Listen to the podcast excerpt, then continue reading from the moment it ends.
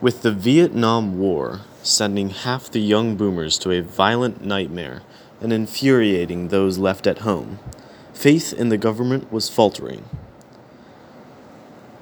The Watergate scandal put a cap on this lack of trust in the government, and as a result, many boomers prefer smaller government.